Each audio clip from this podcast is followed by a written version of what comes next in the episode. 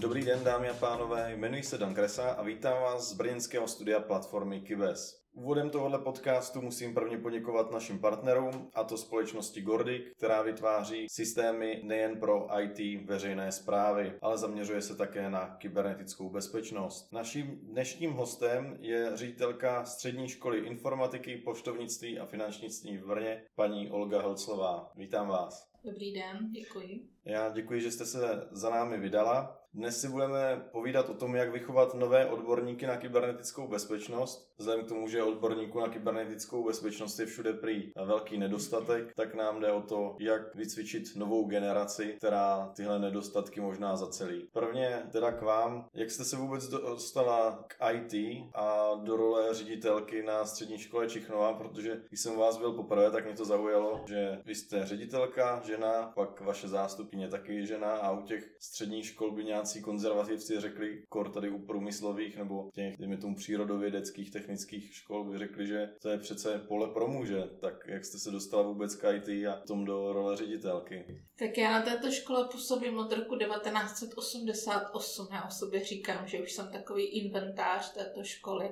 A v podstatě za tu dobu, co tam působím, tak jsem prošla jednak jako učitelka odborných předmětů, potom jako zástupkyně od roku 1996 a od roku 2018 jsem ředitelkou. To znamená, ve vedení školy jsem vlastně pracovala skoro 26 let, nebo než jsem se posunula do role ředitelky. A společně s mou kolegyní, s paní Žerkou Potučkou, jsme vytvářeli i vzdělávací program této školy. Moje původní profese je ekonom, já jsem teda jako ekonomka ale IT, protože jsem začala učit poštovnictví, telekomunikace a to se později přetvářelo a doplňovalo, takže jsme se dostali až k informačním technologiím a dneska je to taková naše druhá profese. IT nebyl úplně můj první obor, ale protože já vždycky říkám, že člověk se má neustále něco učit, tak jsem prošla i se svými žáky, i se svými kolegy vlastně takovou tou reformou až k dnešní podobě školy tak je. My s paní Džerkou jsme za působení svého ve funkci zástupců doplnili naše vzdělávací nabídky o různé programy, ale pořád jsme nastavili na tom, co jsme byli a to, že jsme byli škola telekomunikace takže chápu to správně, že jste se prvně věnovala spíš nějakým ekonomickým předmětům, nebo jak jste Spíše to měla? ekonomickým předmětům. Učila jsem služby České pošty, protože když jsem začínala, tak Česká pošta byl obrovský zaměstnavatel a ten si vychovával svoje kádry, takže jsem učila poštovnictví a protože na poště se dělaly i služby telekomunikační, posílaly se telegramy, zprostředkovávaly se hovory, tak jsem učila i ty telekomunikace. Tak nějak postupem vývoje, jak to šlo, jsme se od klasických telefonů, vytáčecí číselnici dostali až k té dnešní podobě mobilních telefonů a ke službám, které se dneska nabíjí. Jenom jestli se můžu zeptat, vy jste když jste třeba šla na střední nebo na vysokou školu, viděla jste rovnou, že půjdete do školství, nebo co jste chtěla dělat? Školství bylo takové, nebo učení bylo takovým mým snem. Měla jsem takovou představu, že budu učit. Ale protože když mi bylo 18, tak jsem vlastně odcházela na vysokou školu a úplně přesně jsem nebyla jako rozhodnuta. A během studia jsem stále více se utvrzovala v tom, že bych ráda učila. Začala jsem ale pracovat ve firmě jako vedoucí účetní, mi hodně dalo. A když se uvolnilo místo ve škole od pololetí do konce, od druhého pololetí, tak jsem hned nastoupila do školy a tam už jsem zůstala. Když nám se zaměříme na Čichnovu, máte představu, kolik lidí nastupuje do oboru kybernetická bezpečnost, to, jestli jsou to více hoši nebo dívky, nebo jak, jak to tam je? Vaše otázka vede k velkému zamyšlení, protože jsem si říkala, že určitě nějaká děvčata budeme v kybernetické bezpečnosti mít. Ale když jsem se na to dívala, tak třeba v prvním ročníku máme 65 žáků a z toho máme pět dívek, takže spíše převažují v těchto oborech chlapci a to jsem se dívala třeba na informační technologie. Naopak, co je zajímavé, tak zase třeba v těch ekonomických oborech se to začíná vyrovnávat. Vždycky bylo víc holek a méně kluků, ale dneska je doba taková, že prostě se to srovnává a je to tak jako půl na půl holky a kluci. Ale v těch technických pořád převažují jakoby kluci. Pamatuji si rok, dva zpátky jsme spolu byli na předávání cen na kybersoutěži a tam, myslím, že to byly od vás holky, co tam měli docela dost úspěch. Ano, ale skutečně je jich tak jako méně a potom ještě jsou děvčata v oboru bezpečnost dat. Třeba právě jsme loni už využívali váš nástroj pro praktickou zkoušku a tam teda převažují dívky. Takže ta děvčata, která mají zájem o tu práci, o kybernetickou bezpečnost, tak se právě zúčastňují i tady těchto soutěží, že to baví a, a dělají něco pro sebe a dělají něco navíc. No a kdybych si představil, že jsem rodič a, a chci své dítě poslat na nějakou střední školu, tak proč bych ho měl poslat na Čichnovu? To je velice těžká otázka, že vždycky říkám, každá liška hájí svůj ocas. Ale nicméně je, to, je to o tom, že v podstatě my se snažíme hodně spolupracovat s tou praxí, to znamená s firmami, které se zabývají tématikou, kterou my učíme. Snažíme se, aby skutečně ten vývoj, ty technologie, které jsou nové, jsme ve škole měli a snažíme se přinášet něco nového i tím, že třeba pořádáme ve spolupráci s firmami pro žáky různé webináře, workshopy. Prostě zajímáme se o ty nové trendy, které jsou a aby se to i těm žákům dostalo. Čili můžeme říct, že když tam přihlásím své dítě, tak bude vždycky v kontaktu s novými technologiemi. Maximálně se o to snažíme a když ne my, tak aspoň prostřednictvím těch firm, které je mají a kam chodí třeba děti na souvislé praxe nebo na stáže, nebo kdy nám přijdou vlastně odborníci z praxe. Čili jedete v nějakém komenského ideálu škola hrou nebo škola praxí? Snažíme se a to i u těch technických i netechnických oborů. U technických oborů spolupracujeme hodně s firmami, které třeba přijdou do školy a formou workshopu seznamují žáky s těmi novými technologiemi u těch netechnických oborů škola hrou, takže vlastně máme fiktivní firmy, kde žáci si mohou vyzkoušet, jaká jsou úskalí založení firmy, co všechno musí znát a co musí dělat. Ale i tam třeba chodí eh, odborníci z logistických firm, nebo spolupracujeme i s některými bankami, s investičními institucemi. Takže myslím si, že pokud žáci mají zájem a chtějí, takže se dozví řadu novinek, které v tom současném světě jsou. To zní velice dobře. Když jste mluvil o tom, že je tam 65 lidí na kybernetické bezpečnosti. V prvním ročníku. prvním ročníku. Máte nějakou statistiku, kolik se jich hlásí a kolik se jich nedostane? Nevím, jak je to dnes, ale dřív si mohl člověk dát přihlášky na více středních škol. Některá se dávaly jako záchrana, tak jak to máte vy? Řekla bych, že v dnešní době si mohou žáci dát dvě přihlášky na střední školu, ale protože my máme ten obor rámcový vzdělávací program informační technologie 18, pod kterým je jak informační technologie, tak kybernetická bezpečnost, tak třeba pro letošní školní rok jsme měli asi zhruba 336 přihlášek a brali jsme 120 žáků. Na jedna třetina žáků se k nám dostává a to ještě bych řekla, že ta jedna třetina je velice kvalitních žáků. Pohybujeme se okolo toho průměru 1,4, 1,5 asi. Takže skutečně ten zájem je samozřejmě velký a je to i proto, že informační technologie jako obor celkově pro ty žáky velice zajímavý z těch základních škol, i když někdy rodiče potom přijdou a řeknou, no my jsme si mysleli, že kluk tady bude hrát hry počítačové, vy po něm chcete, aby programoval, tak se snažíme vysvětlit, že právě to není o počítačových hrách jako takových,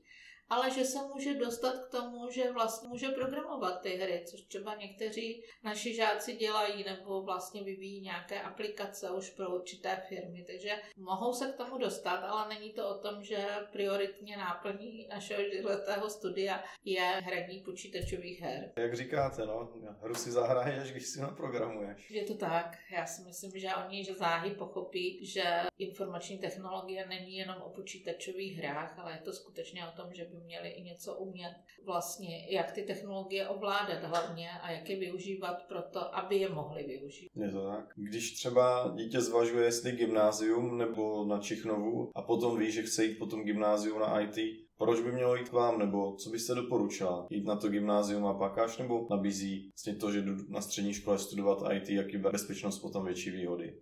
Vysoká škola už pro mě znamená takový závěr vzdělávání, ne závěr, ale prostě vrchol toho základního stupně vzdělávání a už bych měla vědět, co chci v životě dělat a čemu se věnovat. Když bych šla na gymnázium, tak bych se věnovala nějakým všeobecným eh, vzdělávacím aktivitám a Mířila bych i na všeobecné vzdělávání dál nebo odborné takového rázu, které třeba úplně nezahrnuje technologie. A pokud bych chtěla pokračovat v odbornosti nebo věnovat se informačním technologiím, kybernetické bezpečnosti, tak bych právě začala na té střední škole, protože jednak bych si tam osahala, co to všechno obnáší, abych jako v budoucí profesi věděla, jestli mi to bude zajímat dál nebo jestli se budu chtít rozvíjet. A jednak také, protože základní znalosti, než přijdu na tu vysokou školu o té oblasti, bych určitě měla mít. Tudíž pokud jsem rozhodnutý, chci dělat IT, kybernetickou bezpečnost, tak už se směřovat rovnou na střední škole. Určitě.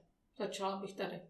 My jsme na to trošku narazili, ale narazili jsme na to hlavně s, s jedním z našich minulých hostů. V této době, nebo v tomto roce, se po delší době mění rámcové vzdělávací programy. Jak vy to vidíte, nebo jak vidíte zapojení kybernetické bezpečnosti a IT do rámcových vzdělávacích programů? Je to za vás tématem viditelné dostatečně, anebo si musíte naopak více upravovat ten školní vzdělávací program, aby to vyhovalo vašim potřebám? Jsem ráda, že přišlo k revizi eh, rámcových vzdělávacích programů, i když ne úplně tak, jak bychom si představovali, protože není ta oblast kybernetické bezpečnosti tam plně zahrnuta. A myslím si, že kybernetická bezpečnost dneska je často skloňovaný jakoby pojem, ale málo se dostává do povědomí lidí jako takový, že každý slyší kybernetická bezpečnost a snaží se pod tím si něco představit, ale neví, jaký to může mít přímo dopad na něho, jako na osobu. A tam si myslím, že třeba by bylo dobré,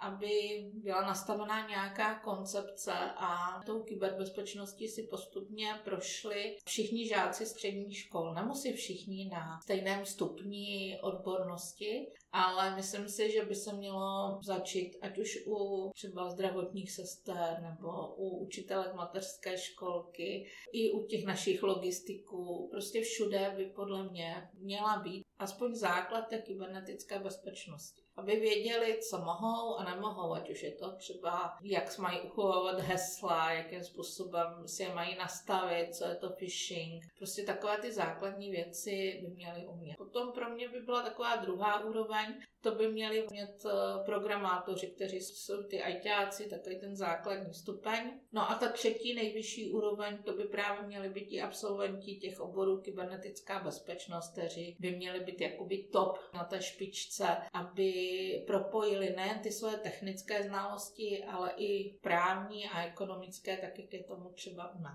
Tady ten příklad mě přijde skvělý v kontextu toho, co třeba dělá NUKIP, protože ten má na té stránce osvěta.nukivce ty své kurzy rozdělené podle ročníků a podle těch stupňů na školách. Zároveň my taky děláme nějaké kurzy vzdělávací, ale zaměřujeme se buď to na ty všeobecné základy pro, dejme tomu typicky pro úředníky ve státní správě, anebo potom pro někoho pokročilejšího na analýzu KIBES. Ale to, co říkáte, ty stupně, je to takhle už plánováno, rozděleno, nebo v tom RVP nějak není řešeno? To tam zatím řešeno není, protože jednak si myslím, že ta kybernetická bezpečnost by měla začít ještě níž než na té střední škole. Už no. od základní školy. No, já bych řekla, dneska i děti v mateřské školce mají mobily a někdy už tam je pro mě nebezpečno. No, jo? děti mají mobily, to vidím na některých malých dětech, kterým jsou 2-3 roky a už umí s telefonem a pouštějí si tam pohádky. Ale rodiče jim třeba neřeknou, no. co by neměli, nebo jakým způsobem by se měli chovat. A já si myslím, že už od té základní školy,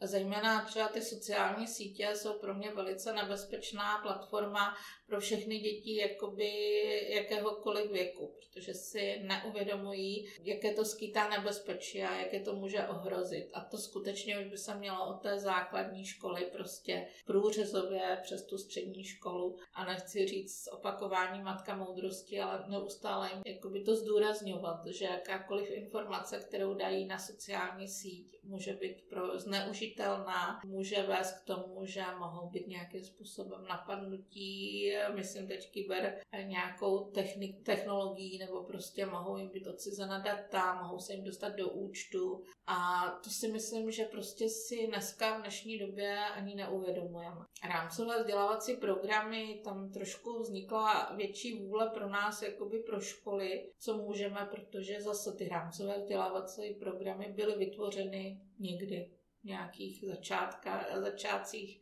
2000, dejme tomu, ale zase tam máme velkou už jako dobu, co byly postaveny. A je tam dneska, už jsou tam věci, které technologicky jsou zase už jakoby zastaralé, už neplatí a my se skutečně musíme posouvat. Jsou věci, které, když potřebujeme nějaký princip znát nějakého zařízení, tak je dobré vědět, že takové zařízení existovalo, takhle fungovalo a dneska jsme se posunuli v tom fungování tak, že už to neovládáme ručně, ale ovládáme to třeba přes počítač nebo tak, ale někde jsme začali. To jako si myslím, že je dobré ale není to jakoby dogma, že bych to musela úplně do detailu učit, protože dneska už se s tím vůbec nikdo nesetká.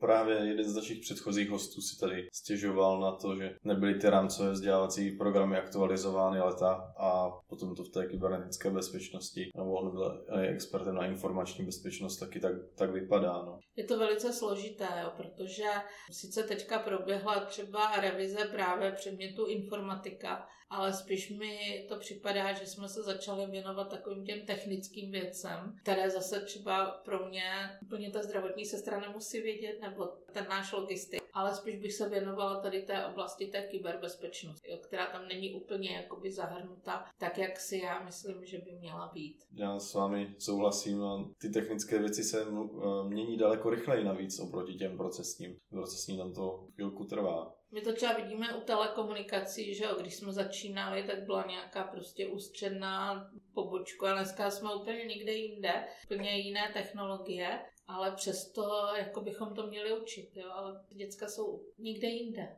Navíc já vždycky říkám, že žáci střední škol jsou na tom velice dobře v eh, hledání informací, přijímání informací a oni přeskočí toho svého učitele. A pokud to umím využít jako učitel, tak je to úžasné. Vlastně využiju těch znalostí těch dětí, protože oni se tomu mohou plně věnovat a když je to baví, tak skutečně jedou na 100% v té oblasti, která je baví z, toho, z těch informačních technologií nebo i z té kybernetické bezpečnosti. Já to vidím, že máme řadu žáků, kteří jsou strašně šikovní na tu kybernetickou bezpečnost a skutečně už učí své spolužáky, jak se mají chovat, ale nejen to, učí i nás a to na tom krásné, že prostě přijdu a udělám mi žák nádhernou přednášku o QR kódech a využití QR kódu a jaké mohou skýtat informace. Takže v tom smyslu, že může zase ten QR kód být zneužitelný, protože když si ho nasadím do mobilu, nafotím, tak už jsem napojená na někoho, kdo se mnou nějakým způsobem může manipulovat. To je ten příklad toho žáka, který si nám můžete nám ho popsat, že jste mi ho říkala jednou, dal někam ty QR kódy, nebo... On vlastně jsme měli z Rady Moravského kraje pro vzdělání hosty a on právě vysvětloval, že v restauracích třeba jídelníček je ve formě QR kódu nebo přístup na Wi-Fi je ve formě QR kódu. A jak je to strašně nebezpečné, když si ho stáhnu že si myslím, že si stahuju vlastně jídelníček, ale pod tím QR kódem mohou být jiné informace, než jako úplně bych očekávala, nebo že mi to může nabourat. A to mě třeba zaujalo, protože kolikrát taky přijdete někam, chceš vědět to a to, načti si QR kód. Že? Člověk v dobré víře prostě si to načte a pak zjistí, že má úplně něco jiného v mobilu, než by měl mít. Je to takový dárek zdarma. A toto třeba právě eh, přednášel žák tehdy druhého ročníku, dnes už žákem třetího ročníku, který eh, se skutečně té kyberbezpečnosti maximálně zabývá. Takže jako je to, bylo to takové překvapující pro ty posluchače dospělé,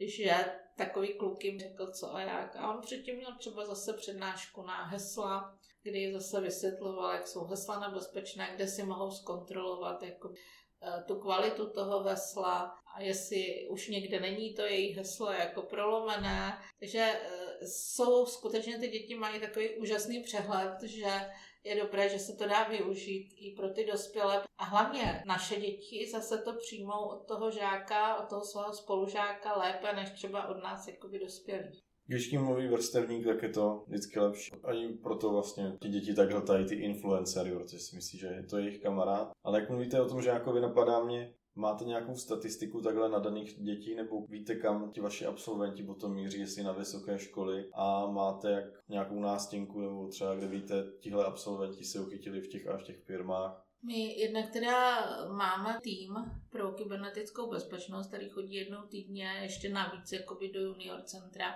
a jsou vlastně právě združení eh, v tom mezinárodním týmu i zapojení. A naši absolventi Loni nám maturovalo asi 32 žáků. Z toho NUKIP vyhodnotil jednoho jako nejlepšího žáka oboru kybernetická bezpečnost, takže dostal od že eh, bývalého ředitele, i když cenu předával současný pan generální ředitel, tak dostal takovou krásnou plaketu, kde byl vyhodnocen jako nejlepší žák a většina těch žáků jde zejména na vysoké školy, ale tím, že se pohybují v oblasti, kde nemusím být přítomna na pracovišti, protože jsou různé home office a zadávají jim úkoly, tak i řada současně s tou vysokou školou pracuje v těch firmách. Že to třeba Accenta, Agora nebo firmy, které se zabývají tou kybernetickou bezpečností, ale těch firm je daleko více. Ale snažíš se zapojit i v těch firmách, jednak z toho mají samozřejmě nějaký užitek ve formě finanční odměny, takže je to takové pro ně přilepšení k té vysoké škole. Co se týká vysokých škol, tak eh, tam zejména třeba Masarykova univerzita, která má svůj lab, nebo Univerzita obrany, která z mého pohledu šla strašně dopředu v té oblasti kybernetické bezpečnosti, ale je to i vysoké učení technické třeba v Brně. Ale vy jste se ptali, jestli musím se věnovat na začátku toho našeho rozhovoru, když jsem kyberneták, jestli bych měla jít dál třeba do oblasti IT. A my máme někdy i takové paradoxy, že za ty čtyři roky si to třeba namyslí a jdou na pajdák. Jsou to naši budoucí kolegové třeba. Tak, jak prostě se vyvíjí ten člověk, tak se vyvíjí i ten jeho zájem. Tu kybernetickou bezpečnost má tak jako koníčka, ale profesí chce být třeba učitel pak jste s nima nějak kontaktu nebo chodí, chodí na nějaké ty srazy? Nebo... Eh, většinou třeba nám dávají přes třídní učitele vědět, kde jsou, jak se jim daří, ale někteří třeba se vrátili do školy a pomáhají nám při výuce a to je takové krásné propojení zase té školy s těmi absolventy. Takže se může stát, že tam nějaký studenty teďka ve škole a slyší přednášku svého eh, jak to říct, spolužáka, spolužáka. Bývalého, ano, je to možné. Eh, když jste narazila na ty firmy, vaše škola je známá tím, že velice spolupracuje s firmami. Jak vy tuhle spolupráci hodnotíte a s kým vším teda spolupracujete? Jsou to vyloženě pouze IT firmy nebo to má i nějaký větší přesah? Má to velký přesah přes vlastně průřezově přes všechny obory, co učíme. Takže nejsou to jenom IT firmy, ale jsou to i firmy, které se třeba zabývají logistikou nebo bankovnictvím, ale i tou investiční částí. My jsme teď dělali nějaký poslední seznam těch firm, bylo jich kolem 200 firm, se kterými spolupracujeme, ale řekla bych, že jsou takové jako významní partneři a takové, kteří nám pomáhají, ale je ta pomoc zaměřena třeba na jednoho žáka při souvislých praxích, takže ten rozptyl je velký a v podstatě takovými největšími partnery v současné době je samozřejmě NUKIP, to je pro tu kybernetickou bezpečnost. Pak jsou to firmy kolem kybernetické bezpečnosti, Aleph 0, Agora, Accenta. Co se týká bezpečnosti dat a tyto věci, tak je to samozřejmě Gordy, kde si nesmírně také vážíme té spolupráce s vámi. A vůbec si vážím toho, že lidé z té praxe si najdou čas a přijdou za těmi žáky. Že prostě v tom svém docela plném diáři všech úkolů a schůzek najdou vždycky termín, kdy se těm našim žákům můžou věnovat a přijít a říct jim něco nového, něco, co se stalo, nebo jim udělat nějaký workshop, webinář na nějakou tématiku. A to je úžasné, že prostě ten čas eh, ty firmy najdou, protože i oni ví, že jednak každý z nich je jejich budoucí potenciální zákazník na jedné straně ale na druhé také jejich budoucí potenciální zaměstnání. Tam prostě ta provazba všemi směry. A to si myslím, že je dobře, že ty firmy chápou, že nezůstáváme někde pozadu, ale že se věnujeme i této činnosti a to je takové to naše plus tak myslím, že to i z nějakého toho pohledu firem vidíme, nemá cenu si hrát na vlastním písečku a stavit kolem sebe nějak zdi, a naopak, když člověk pomůže tomu vzdělávacímu systému, tak se mu to vrátí, i kdyby ten žák, student k němu nešel pracovat, nebo to nebyl jeho zákazník, tak si vzpomene, že měl nějakou tady tu přednášku, nebo že pracoval v nějakém nástroji a už bude hnedka vědět víc, nebo aspoň ta firma zvýší povědomí sama o sobě. Narazili jsme tady i na to vše Centrum excelence, Myslím, že to bylo vůbec první v České republice. Můžete nám ho nějak přiblížit, jak ten projekt vlastně začal, koho to vůbec napadlo a v jaké fázi je dneska, jak se využívá? My jsme začali s, takovou, s takovým plánováním Junior Centra zhruba v roce 2017, kdy se vytvořila studie proveditelnosti, vytvářeli klástr e, kybernetický. Pod e, takovou záštitu měl pan inženýr Sedláček, který zpracoval studii proveditelnosti a na základě této studie se začal dělat projekt. Ale nebylo to tak lehké, protože samozřejmě nejdůležitější bylo sehnat finance. Ten projekt je vlastně financován eh, z IROPu, z peněz Evropské unie a je financován z programu IT Brno. Takže my jsme se přihlásili a prezentovali jsme to v rámci IROPu a získali jsme určité finanční prostředky. A některé finance nám chyběly, takže jsme museli požádat o přispění i kraj. Ono se nejednalo jenom o vybudování toho junior centra, ale prostřednictvím tohoto projektu byla revitalizovaná celá síť Wi-Fi ve škole a vůbec jakoby počítačová síť, co se týká internetu, protože vždycky, jak byly peníze, tak se kousek jakoby udělal a přestalo to být kompatibilní, protože my jsme byli škola, která v roce 98 otevřela první internetové studium veřejné u nás ve škole, takže tam mohli jako lidé chodit eh, na internet, což tehdy nikde nebylo. Ale od té doby vždycky, když byly peníze, tak se kousek udělalo ve škole a zase kousek a zase kousek. A dneska už to bylo nedostačující, takže se revitalizovala celá ta síť. A součástí toho byl mimo jiné teda i ten projekt Junior Centrum Excellence. Projekt eh, má dvě laboratoře fyzické, každé laboratoři může pracovat 18 žáků plus učitel a současně virtuálně může pracovat dalších 36 eh, žáků vzdáleným přístupem. Součástí eh, toho projektu je také kontrolní místnost, kde jsou týmy červený a modrý, takže útoky a konferenční místnost. Eh, ta laboratoř nebo to Junior Centrum Excellence má svoji serverovnu, a to bylo hlavně z bezpečnostních důvodů, když se něco stane, někdo se někam nabouře, tak aby nejdelší jeho cesta byla právě do té serverovny toho junior centra. A škola má vlastně zase svoji serverovnu, takže i to bylo součástí toho projektu. A v současné době jsme otevírali v roce 2020, otevírali jsme 5. března a 11. března se zavřely školy. Takže jo. my jsme v podstatě se těšili, jak vyzkoušíme do konce roku nějaký takový jakoby záběhový proces, kdy vychytáme chyby, ale do školy nás pustili až někdy v květnu, takže to nebylo úplně tak, ale musím říct, že kolegové na druhé straně si to velice jakoby pochvalovali v tom smyslu, že měli čas připravit to centrum pro ten ostrý provoz. Tím pádem jsme jakoby vynechali ten zkušební a šli jsme rovnou do ostrého provozu toho junior centra. Dneska nabízíme eh, vzdělávací programy, jednak, eh, jednak možnost vlastně připojení se učitelů do našeho prostředí, kdy mohou žáci z jiných škol prostřednictvím rezervačního systému se přihlásit a mohou pracovat úplně stejně jako naši žáci v té laboratoři, ale mohou pracovat vzdáleným přístupem.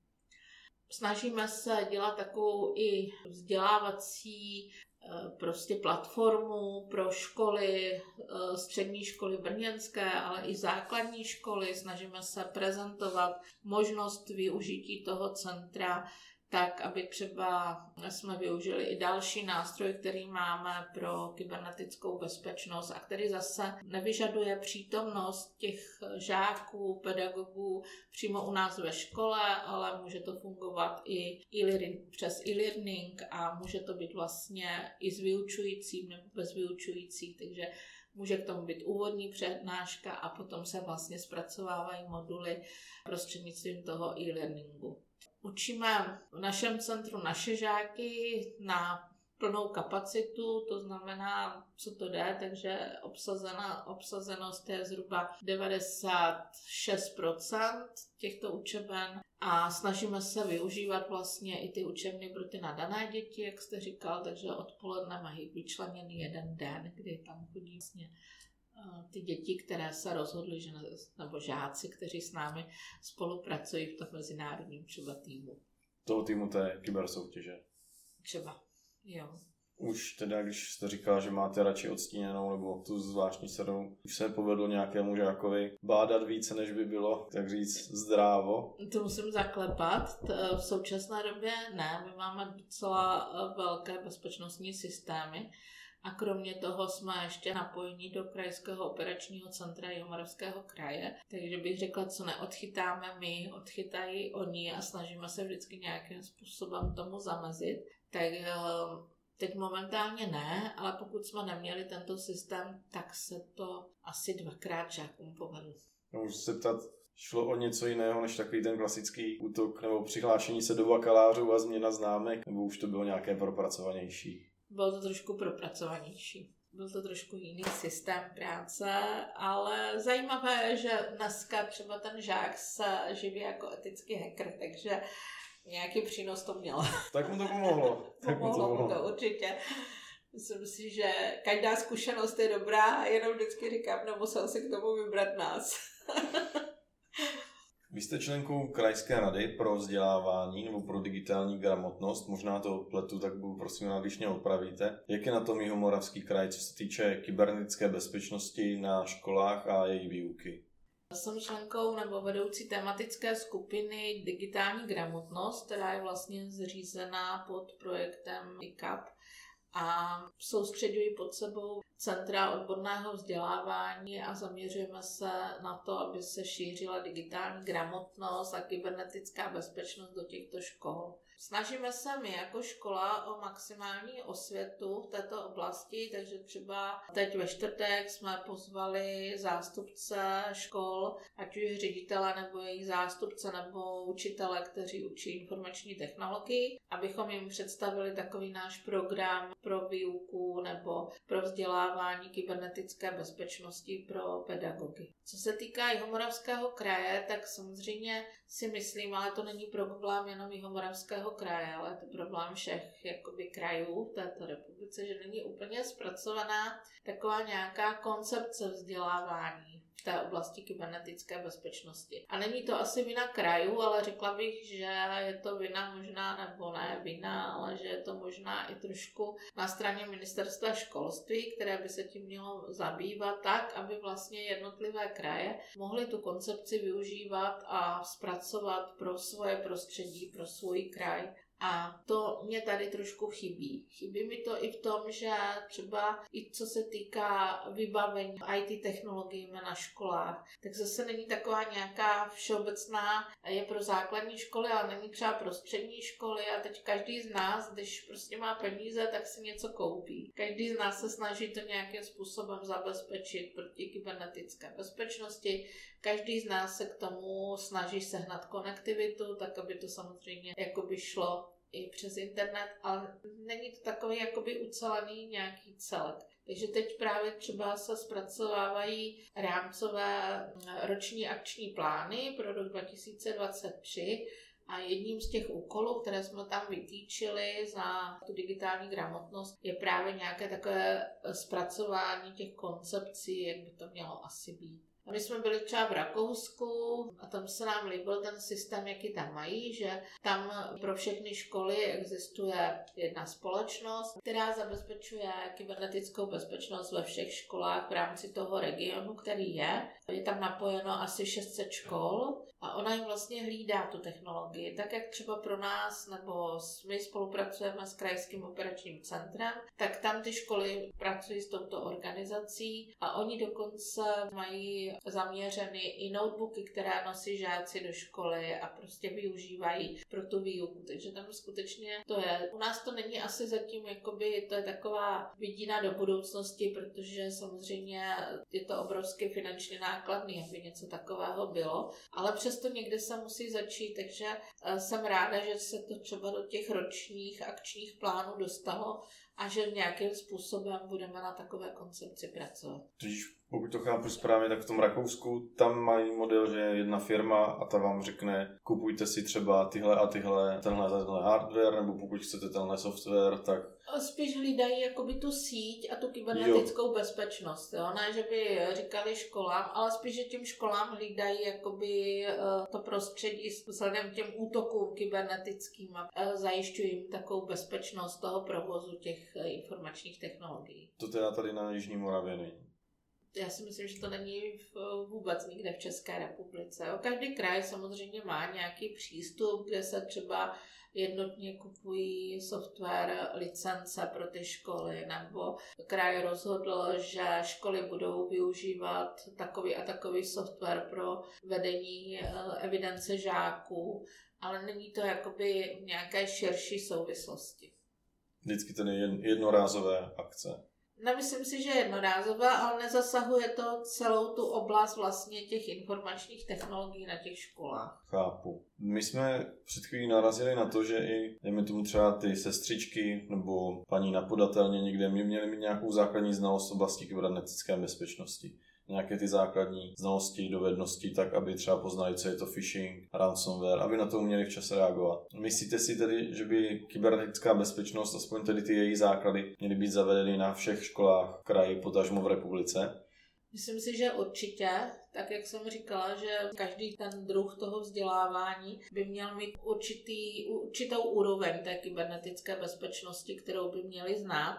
A samozřejmě je to i na těch školách, že pokud to neobsahují vyloženě ty rámcové vzdělávací programy, tak by ty školy se měly tím začít zabývat, protože si myslím, že je to dneska docela ohrožující, ať už si vezmete napadení třeba fakultní nemocnice v Brně, kde vlastně ty škody nebyly jakoby škody tak vysoké na životech, ale spíš na tom zařízení a na tom, než se všechno dalo zase do provozu. A myslím si, že dva roky uplynuly školy. Nedokážu vám říct, že je to úplně v pořádku a myslím si, že tak, jak to bylo předtím, nebo to zabezpečení tam pořád ještě není tak, jak by mělo být.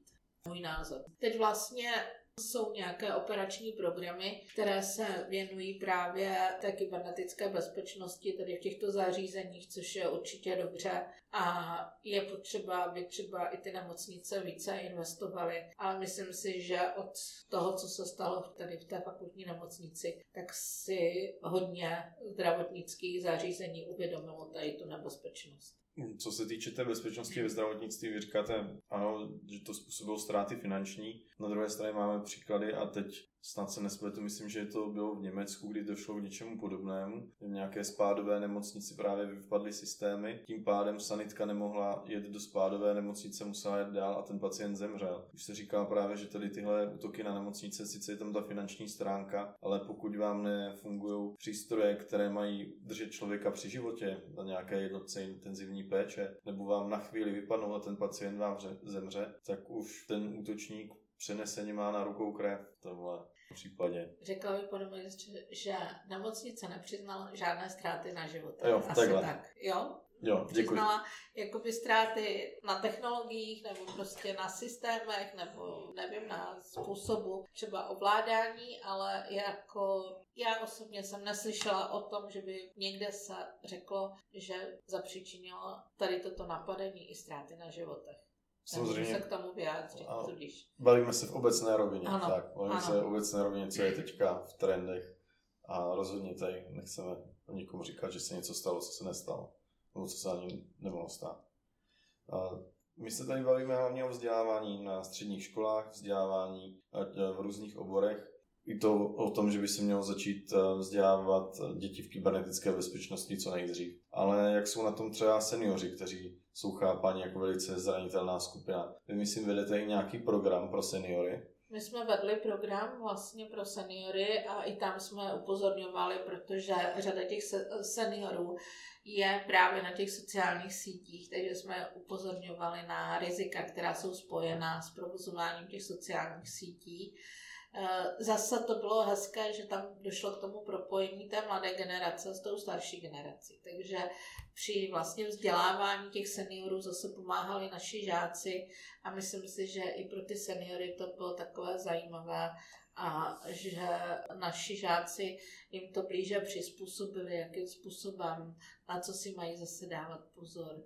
Takže bylo to i pro ty seniory takové přijatelnější, než kdyby to bylo nějakou přednáškou, ale vlastně se jim naše děti věnovaly. Takže dá, dá se říct, že vnoučata vzdělávala babičky a dědečky? Svým způsobem se to takhle dá říci, ano. No a když jsme furt se tady točíme o toho vzdělávání, tak jaká je tedy nejlepší metoda, jak učit kybernetickou bezpečnost nebo informační bezpečnost, aby to nebylo sci-fi malování vzdušných zámků? Uh, určitě je dobré hodně používat příklady z praxe. Jo? Ať už je to vlastně o tom, co se stalo, o tom, jaké to může mít důsledky, o tom, co můžu pro to udělat, aby se to nestalo. Takže hodně ta praktická část, ale musím proto mít i tu teorii. Musím vědět, co se může stát. Musím být připravena na to, co můžu udělat. To znamená, když to skutečně vezmu, tak ať od té technické přes tu právní, ekonomickou situaci na to musím být připravena. A pak je úžasná, když přijde právě ten odborník z praxe a řekne, hele, řešili jsme takový a takový případ, mělo to takové a takové dopady, co byste doporučili, jak byste to řešili, jak jsme to řešili my a co vidíte na tom našem řešení dobré nebo špatné. I to je pro mě obrovský posun v té výuce a v tom, že takhle to může probíhat. Tudíž základem úspěchu vyvážený poměr, teorie, praxe. Dala byste to spíš pade na pade nebo nějaké paretové pravidlo 20 na 80? Dala bych to spíš 60 eh, teorie a 40 praxe, protože bez té teorie zase úplně nemůžete všechno vyřešit. Chápu a nic z praxi se potom naučí, až budou v zaměstnání nebo na vysoké Určitě, škole. tam už si to osahají úplně na to dál. Ale tím, že my třeba máme ty souvislé praxe těch našich žáků, tak oni si to vlastně už osahají i během toho vzdělávání, jo? že jdou na 14 dní do firmy a tam se s tím můžou seznámit. Jdou 14 dní ve třetím ročníku, 14 dní ve čtvrtém ročníku, takže to můžou různě skloubit a když je ten žák dobrý, tak ta firma už si ho tak nějak jakoby zaháčkuje a už pro ně třeba pracuje přes celé prázdniny letní, ale to už záleží na těch žácích a na, těch, na té firmě. Pojďme trochu víc si rozebrat i ty úspěchy vaší školy. Ono, no tady ještě trochu jsme to nakousli, ale vaši žáci dosahují vynikajících výsledků na středoškolské kybersoutěži. No a teďka se zapojili do soutěže Cyber Europe. Jak jste vy sama spokojená s výsledky vašich žáků a jak vnímáte tady tyhle aktivity? My, když jsme začínali třeba tu středoškolskou kybersoutěž, tak eh, jsme začínali tam pro ten obor kybernetická bezpečnost a IT. Postupně jsme rozhodli, že do té soutěže zapojíme i žáky ze všech oborů, takže my vlastně se zúčastňujeme už eh, letos toho sedmého ročníku s tím, že jsme jedna ze škol, která do této soutěže zapojuje nejvíce žáků. Tam v jsme měli asi 460 žáků, kteří byli zapojeni do této soutěže. Z této skupinky se sedm žáků dostalo do národního kola, kde jich bylo 50 a dva se dostali do toho užšího finále, kde jich vlastně bylo těch 20.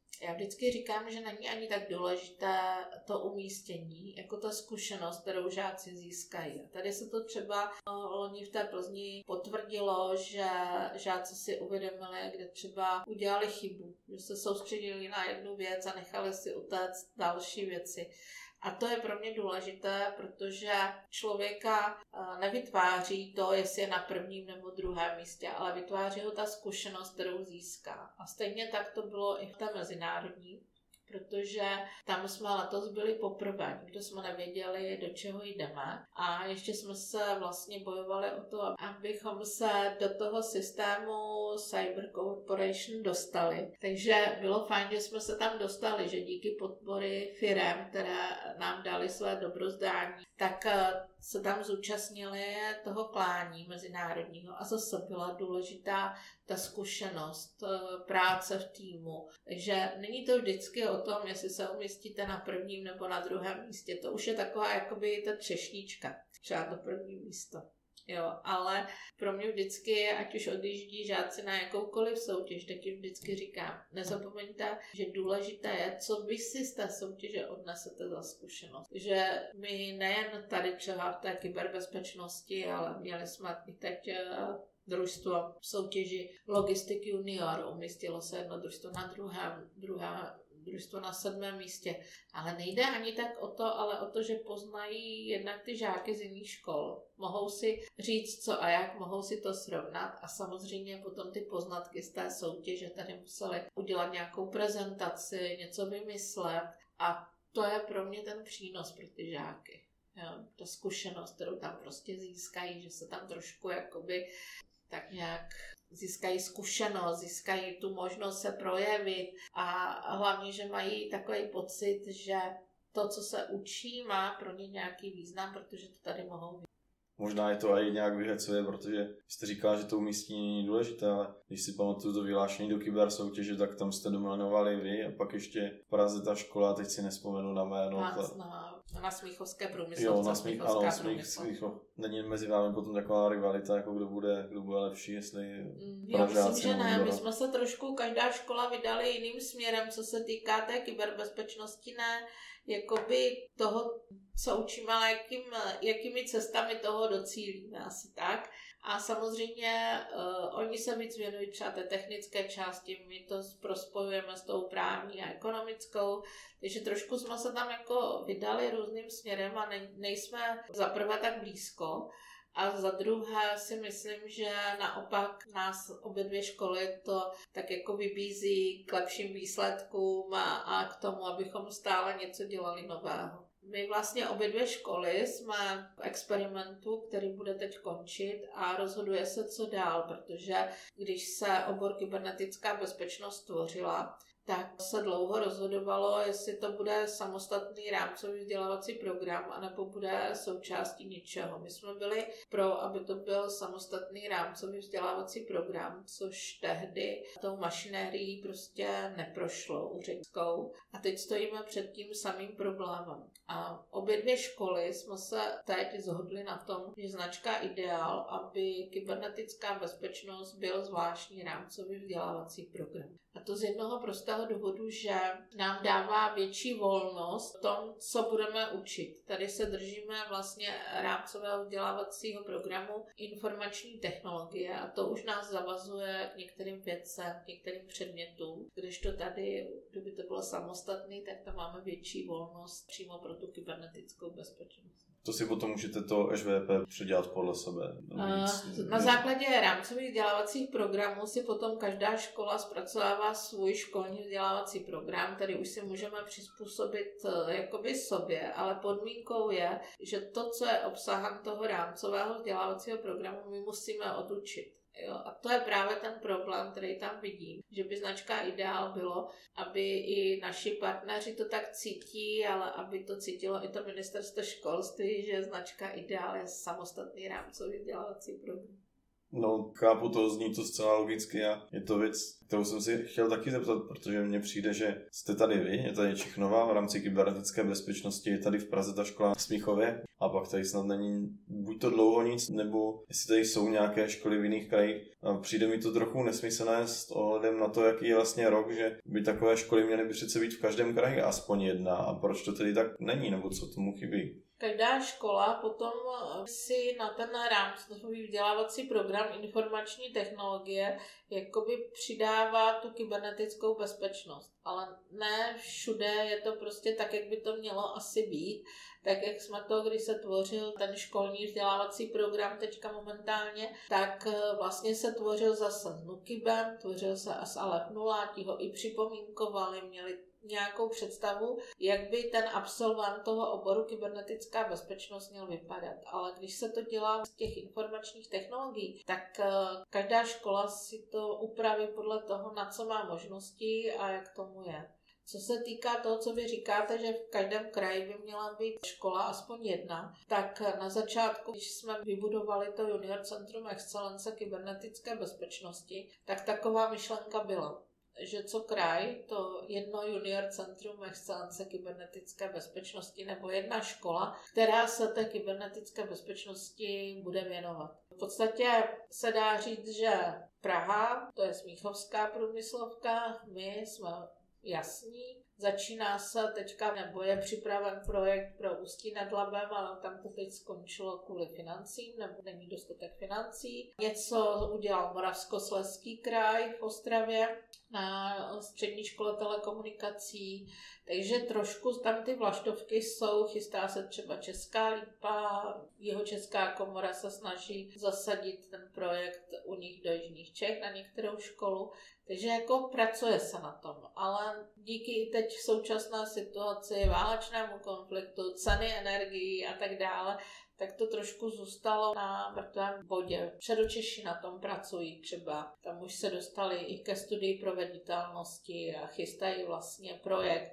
Takže já si myslím, že ta myšlenka je a jenom teďka je potřeba, aby se v těch krajích eh, dotáhla do konce. A vzhledem k tomu, že to kdysi schválila asociace krajů a že se to tam odsouhlasilo, tak si myslím, že se to realizovat bude, jen prostě časově nedokážu říct, dokdy nebo jak dlouho do těch škol přenášet a dostávat. Tudíž plán máme, jen chybí finance a nějak to posunout dopředu. Myslím si, že teď největším problémem, ne ve všech krajích, ale v některých krajích jsou finance.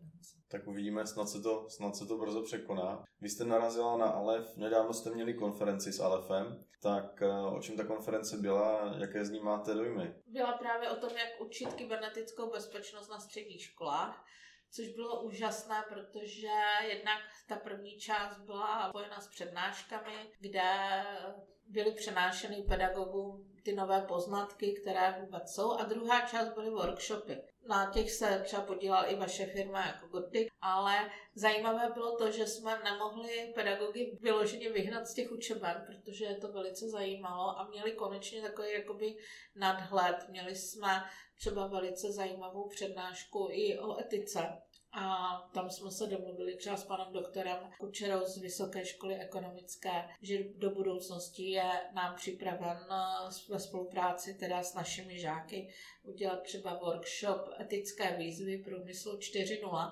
což je taky velice zajímavé, ale my se teď chystáme na další akce, budou dvě, budou pro střední školy Jihomoravského kraje a chystáme se na to, že má být eh, od roku 2024, aspoň si myslím, má platit nová vyhláška NIS 2, že jo? A ta už postihne všechny školy. Když jsme budovali centrum, tak jsme měli velký problém s tím, eh, proč chceme takové zabezpečení.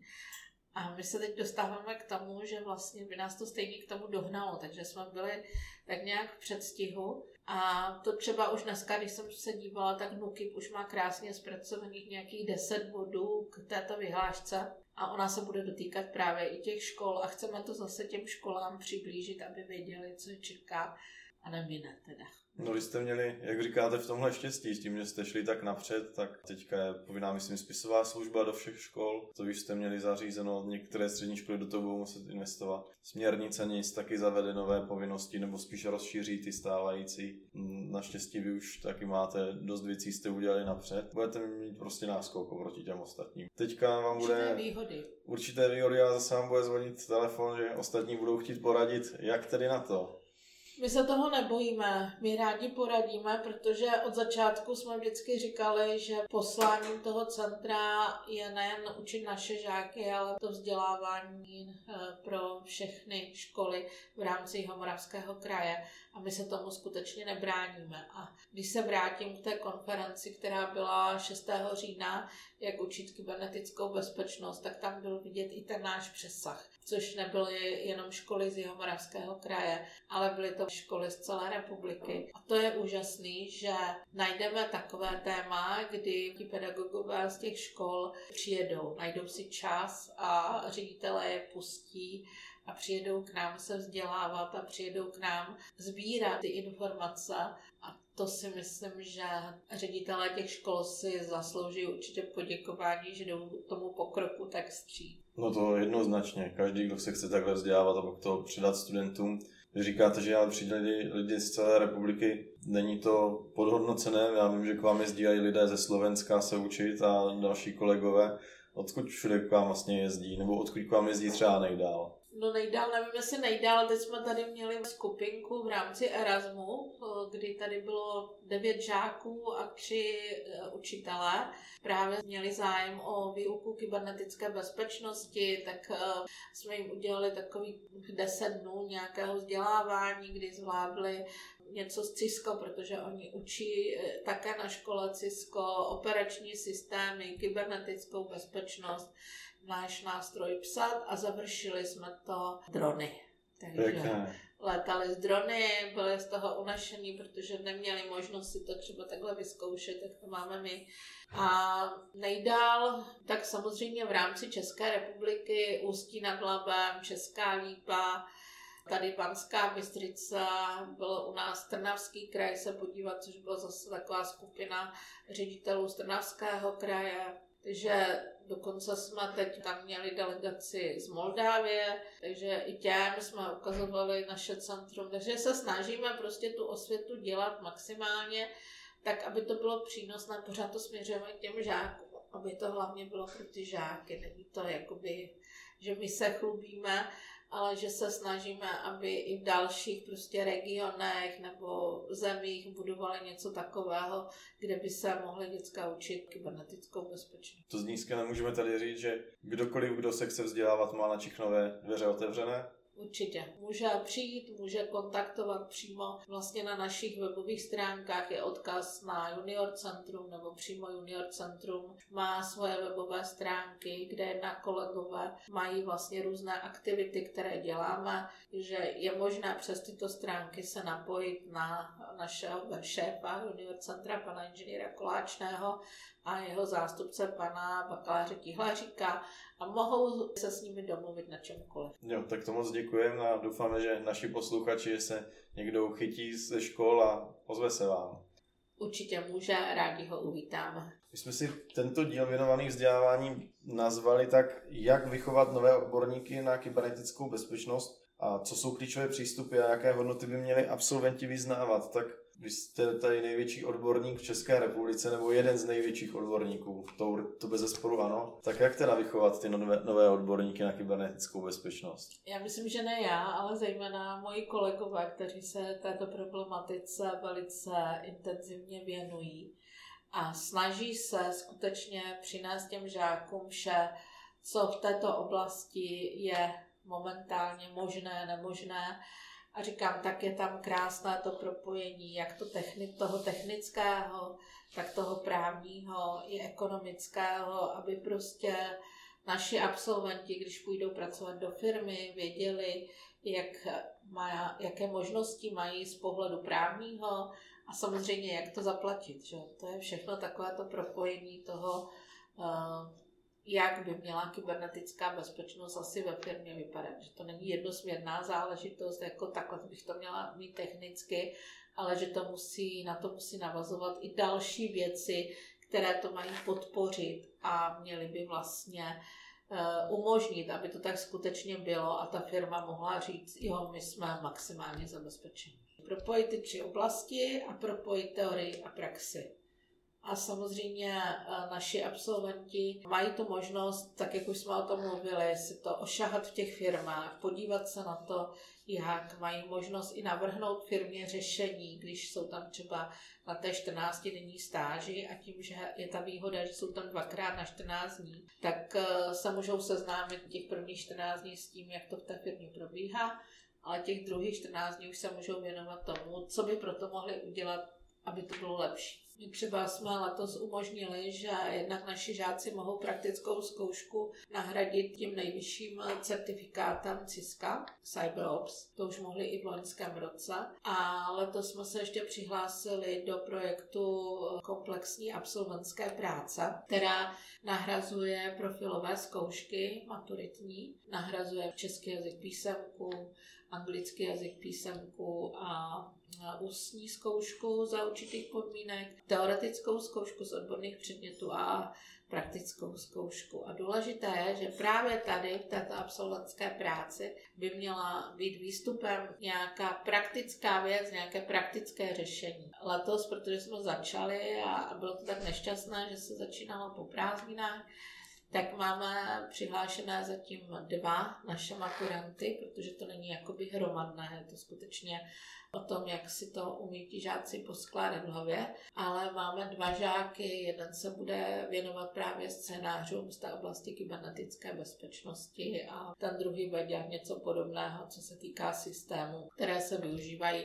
pro kybernetickou bezpečnost. A důležité je to, že tam musí být to praktično, že to není čistě teoretická práce. No, když jsem o tomhle nápadu slyšel, tak spousta mých kolegů, kterým jsem to předával, tak říkali, kdyby něco takového jsme měli my tehda, to by vypadalo jinak. Je to, jako pro mě je to úžasné. Já když jsem to slyšela poprvé, tak jsem neměla úplně jako takovou dobrou informaci, takže jsem říkala, nevím, kam to povede, ale později jsem pochopila, že skutečně pro ty děcka to může být obrovský přínos. Takže už začínáme u žáků třetích ročníků aby jsme jim vysvětlili, co vlastně, do čeho by se mohli zapojit, kam by mohli až jít a až půjdou příští rok na souvislou praxi, tak jim to znovu zopakujeme, protože tam by měli nazbírat vlastně témata pro tu absolventskou práci. No, takže příští rok očekáváte ještě teda větší zapojení. Chtěli bychom. Tak, tak asi. doufám, že vám to vyjde. Moc děkujeme, že jste si na nás udělala čas a máme pro vás tři závěrečné otázky, které pokládáme každému hostovi. Tak, první z našich závěrečných otázek. Čeho se v kybernetické bezpečnosti nejvíce bojíte? Já se nejvíce bojím nevědomosti lidského faktora. To je v podstatě to, co mě nejvíc eh, jakoby drásá. Právě to, že lidé nemají nějakou takovou představu, co to všechno obnáší. A můj názor je, že největším nebezpečím každé společnosti je lidský faktor a tady je to dvojnásob. To znamená hesla nalepená na počítači, piny na platebních kartách a to je všechno, čeho se bojím, že si pořád ještě lidé neuvědomují, jaký to, to může být všechno dopad. Jo. Lidská hloupost. Lidská hloupost, ano, asi tak. Dobře. Nepoučitelnost. Tím pádem se přesouváme k druhé závěrečné otázce. Jaký máte nejzajímavější zážitek z kybernetické bezpečnosti? Nejzajímavější zážitek pro mě byly třeba přednášky od kolegů z Univerzity obrany na téma nebezpečnost sociálních sítí, kdy jsem viděla, že ani ti žáci si neuvědomují, jaký to může mít prostě dopad na to, jaké informace sdílí a co všechno se na základě třeba fotky udělané na letišti dá zjistit. Takže tajná mise amerických vojáků, o které nikdo neměl vidět, Nicméně vojáci se vyfotili před vstupem na letadlo a po vstupu na letadlo a všichni přesně věděli, kde jsou. Takže to byl pro mě jeden ze zážitků velkých a potom i přednáška novináře o tom, jak se dají zmanipulovat informace na sociálních sítích. A to si myslím, že každý by si měl poslechnout ta dezinformace, která do lidí jde s úpravou různých fotek, článků pod těmi fotkami co všechno může být. Takže já bych řekla, že možná je to netradiční, ale ten nejzajímavější zážitek pro mě skutečně byly ty přednášky, protože ti žáci seděli s otevřenou pusou a jenom koukali, co mohou svou nevědomostí zapříčinit. To zní velice zajímavé. Jaký třeba máte vy názor na sociální sítě? Já teda jsem na Facebooku pod svým tajným jménem které tady nebudu říkat. Kdo chce, tak ví, pod jakým jménem tam jsem, takže si mě najde. A pak kvůli škole jsem i normálně jakoby na Facebooku. E, přiznám se, že někdy, když tam vidím fotky, které tam třeba dávají kolegové nebo mý bývalí žáci, tak mi to trošku děsí ale asi s tím nic nenadělám, protože oni si musí uvědomit, jak je nebezpečné tam třeba dávat své děti v plavkách a tak. A to mě mrzí, že si to neuvědomují. Jakoby. Jo. Jinak jako sociální sítě, kdybych nemusela, tak bych je neměla. Není to jako moje životní nutnost. Používám je pro spojení s rodinou, třeba na východním Slovensku nebo právě v tom světě, jakoby takhle ale jinak, jako kdyby fakt záleželo jenom na, na tom, tak asi bych se sociálním sítím nějakým způsobem nepodával. No, to nás trochu přináší k té naší úplně poslední závěrečné otázce. Představte si, že jste členkou vlády. Jaká opatření byste vládě doporučila, aby v kybernetické bezpečnosti zavedla? Myslím si, že úplně to nejdůležitější je osvěta což dělá třeba Nuky prostřednictvím těch svých vzdělávacích materiálů, které má na svých stránkách. Mimo jiné, když jsme začali učit kybernetickou bezpečnost, tak to byl jeden z prvních zdrojů, na který jsme narazili, takže jsme si všichni udělali povinně takový obrovský kurz kybernetické bezpečnosti a musím říct, že mi to hodně dalo, protože to skutečně bylo, teď už to tak není, ale bylo to docela rozsáhlé. Bylo to několik modulů, kterými jsme se museli jakoby prokousat. A myslím si, že teď, jak to má Nukem zpracované, je to daleko přístupnější lidem a že každý z nás by si měl aspoň ten základní kurz projít. Nevím, jestli toto vláda dokáže, ale alespoň kdyby vláda dokázala to, že skutečně tu výuku kybernetické bezpečnosti a vzdělání v oblasti kybernetické bezpečnosti přenese povinně na ty školy. S tím se můžeme pouze, pouze stotožnit s tady tohle osvětou a s tím zvyšováním vzdělávání a znalostí a dovedností všude. Paní ředitelko, my vám moc děkujeme, že jste přišla, že jste si na nás udělala čas. Máte něco, co byste chtěla vzkázat takhle na závěr našim posluchačům a odborné nebo i té laické veřejnosti? Tak já moc děkuji za pozvání, bylo to velice milé. Samozřejmě ráda bych třeba pozvala laickou veřejnost k nám do školy. A co se týká odborné veřejnosti, tak jenom, že jsme škola otevřená partnerstvím i s dalšími firmami a s dalšími organizacemi, které se třeba věnují tady té oblasti kybernetického vzdělávání. Takže ať se k nám přijdou podívat a začnou s námi spolupracovat, protože vychováváme jim budoucí zaměstnance. Moc děkuji, takže ještě jednou apelujeme na vás všechny. Přijďte se podívat na Čechnovu, najděte si webové stránky Čechnovy nebo i ty sociální sítě a určitě vás tam rádi uvidí. Moc děkujeme, že jste za námi přišla, děkujeme i vám posluchačům, můžete se těšit u dalšího dílu a přejeme vám, ať vás provází bezpečná síla. Ještě jednou děkuji za pozvání. Krásný večer.